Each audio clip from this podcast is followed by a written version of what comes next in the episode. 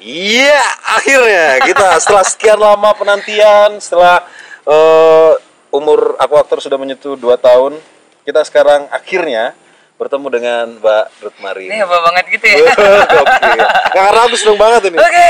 Ruth Marini adalah salah satu target setelah aku menonton permainanmu di Biro Sableng, maka ini wajib banget nih diajak ke Bincang Aktor. Dan BTW ini kita udah ada di Bincang Aktor yang ke-31. Setelah kemarin kita sempat ngobrol sama Bu Sito Resmi, lalu kemudian kita ngobrol sama beberapa orang-orang tua dari mulai Pak Untung, Pak Ratmo, dan Pak Fajar Suara dan beberapa teman yang lain. Sekarang kita kedatangan tamu, Mbak Ruth Marini. Ya ya ya ya ya. Halo Mbak, gimana kabarnya? ah, baik. Kayaknya agak tegang gitu. Tegang banget.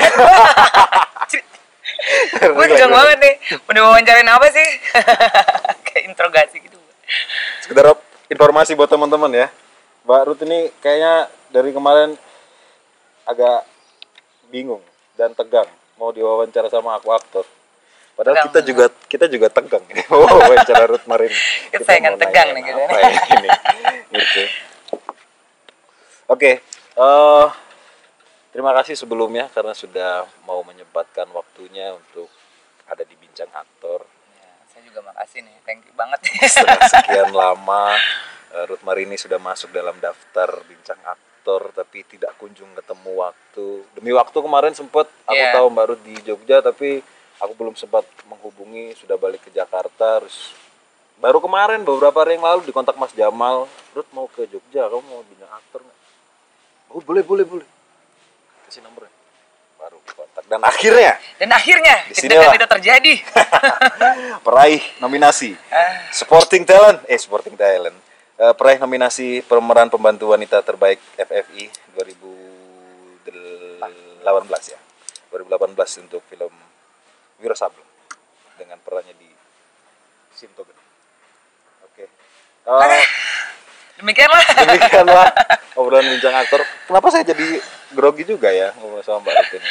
Oke, gini Mbak, Eh, sebelum kita mulai obrolan panjang soal bagaimana proses keaktoranmu, Ah, bagaimana kamu eh, memilih peseni peran, kemudian bertahan di seni peran sampai sekian lama, kemudian dari teater masuk ke film dan bagaimana kamu bisa bertahan dari dua wahana itu, dari panggung ke kamera.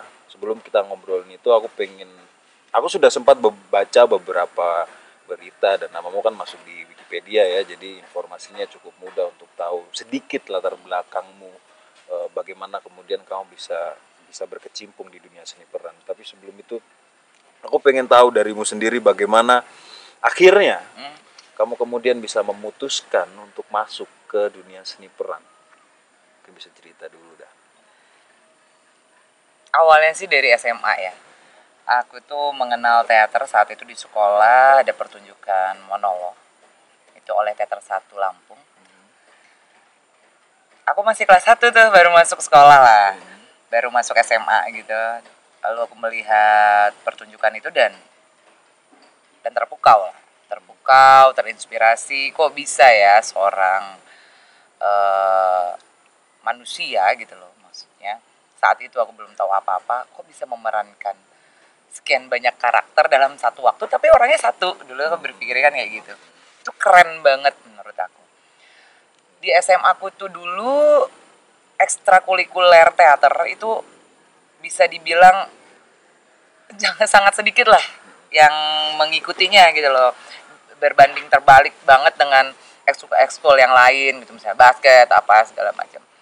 Nah aku memutuskan untuk ikut teater di sekolah awalnya dulu itu SMA kelas 1 dengan tiga orang temanku. Setelah ikut teater di sekolah masih nih mau mencari tahu siapa sih aktor yang kemarin main mentas di sekolah kita gitu. Terus saya dengan teman teman saya itu datang ke Taman Budaya Lampung mau cari tahu karena yang pentas kan teater satu pengen banget gitu dapat ilmu yang lebih dari dari mereka gitu waktu itu gitu. jadi kami bertiga itu datang ke Taman Budaya di situ melihat teater satu lagi latihan eh, dan mereka punya banyak eh, program atau event-event eh, yang melibatkan pelajar gitu loh. Nah dari situ mereka mendirikan forum teater halaman dulu. Teater satu itu menggagas itu itu diikuti oleh seluruh siswa sebandar Lampung. Boleh ikut itu. Nah, kami memutuskan untuk masuk di situ. Masuk awalnya dulu forum teater halaman. Dari situ kita mengenal teater satu, saya sendiri langsung mengenal mahasiswa di Cik Imas gitu kan. Eh, dulu ada juga Kak Jusmar. Dari situ dari forum teater itu kami akhirnya masuk teater satu Lampung. Nah, ada sejak itulah sampai 16 tahun saya tetap berada di Teater Satu Lampung. Hingga pada akhirnya saya harus hijrah ke Jakarta dan saya tidak lagi berproses di sana. Oke.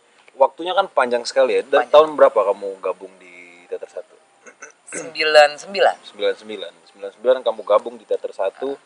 Jadi se- setelah menonton eh, orang monolog itu kemudian kamu dalam tanda kutip jatuh cinta pada Jatuh pandangan pertama pada Iya. seni peran, kemudian mencari eh, di mana gue bisa belajar Iya. nih seni peran nih. Sampai akhirnya kemudian ketemu teater satu Lampung dan ikut sampai eh, untuk teater satu Lampung 16 tahun 16 tahun sendiri dan untuk seni peran sampai sekarang. sampai sekarang. Pertanyaannya adalah, kamu kan juga kamu kan tidak berkuliah di institusi yang Kesenian. kesenian Yes. Yang bicara soal keaktoran secara uh, metodologi, Ya. uh, teori, dan Teori. segala macam gitu. Tapi kamu justru kuliah kalau tidak salah di hukum ya.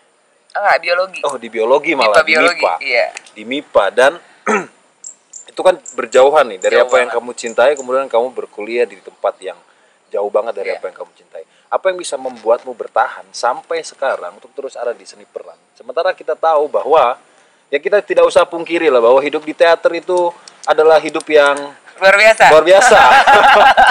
bisa dipastikan tidak akan kaya. bisa dipastikan lebih banyak melaratnya. Iya. Kenapa kamu bisa bertahan sampai selama ini di seni peran? Apa yang membuat bisa bertahan itu? Ketika saya pertama kali eh, terjun ke situ kan saya jatuh cinta terhadap itu. Tentu saja ketika kita mencintai kan banyak halangan. Ada juga yaitu terbentur-terbentur kejenuhan, terbentur masalah, terbentur apa pun itu, misalnya tidak didukung oleh orang tua, siapa sih yang ingin orang tua yang ingin anaknya menjadi aktor teater gitu loh misalnya, mau jadi apa, yang jelas itu adalah PNS misalnya seperti itu. Nah, tapi karena kecintaan itulah, ya entah mengapa saya tidak punya alasan yang terang dan jelas mengapa saya tetap bertahan.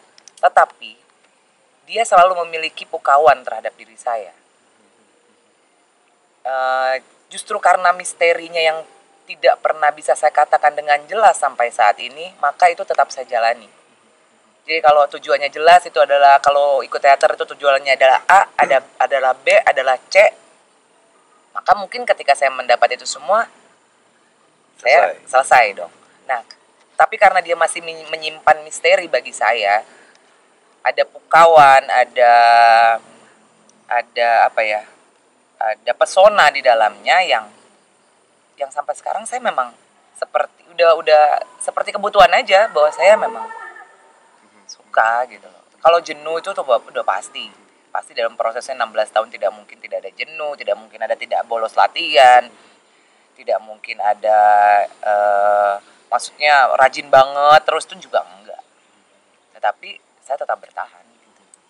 Dan itu yang membuat akhirnya bisa bertahan sampai sekarang. Yang Bertahan misalnya kemudian ke aku, aku sederhanakan bahasanya, entah entah bahasa bahasa aku akan lebih sederhana atau enggak ya. Tapi seperti orang yang mencintai sesuatu, tapi tidak berusaha menjawab apa alasan dari dari cinta itu sendiri.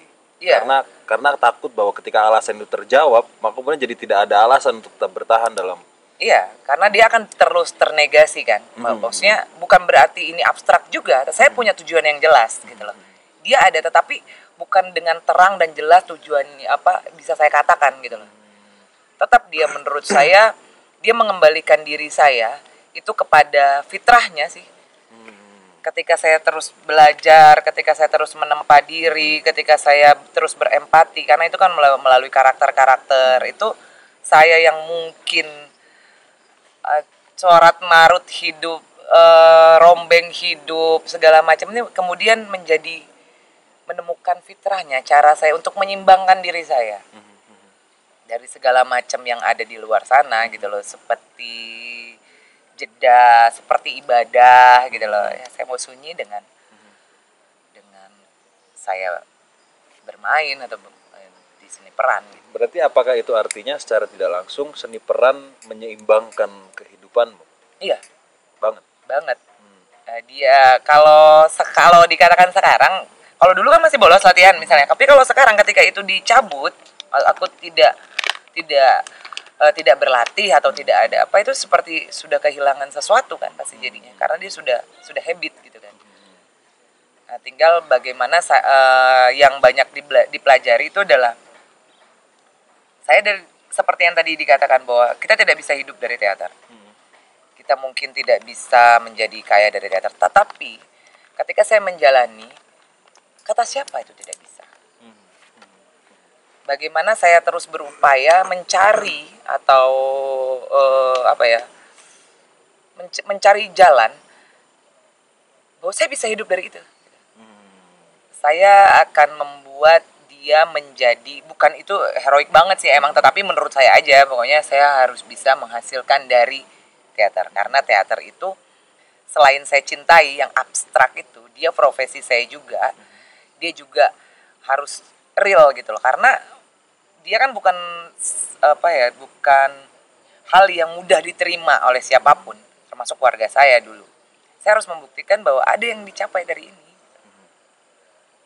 apa pun itu gitu karena nggak boleh karena nggak boleh saya tidak sama sekali tidak diizinkan untuk berteater. Apakah itu tujuan?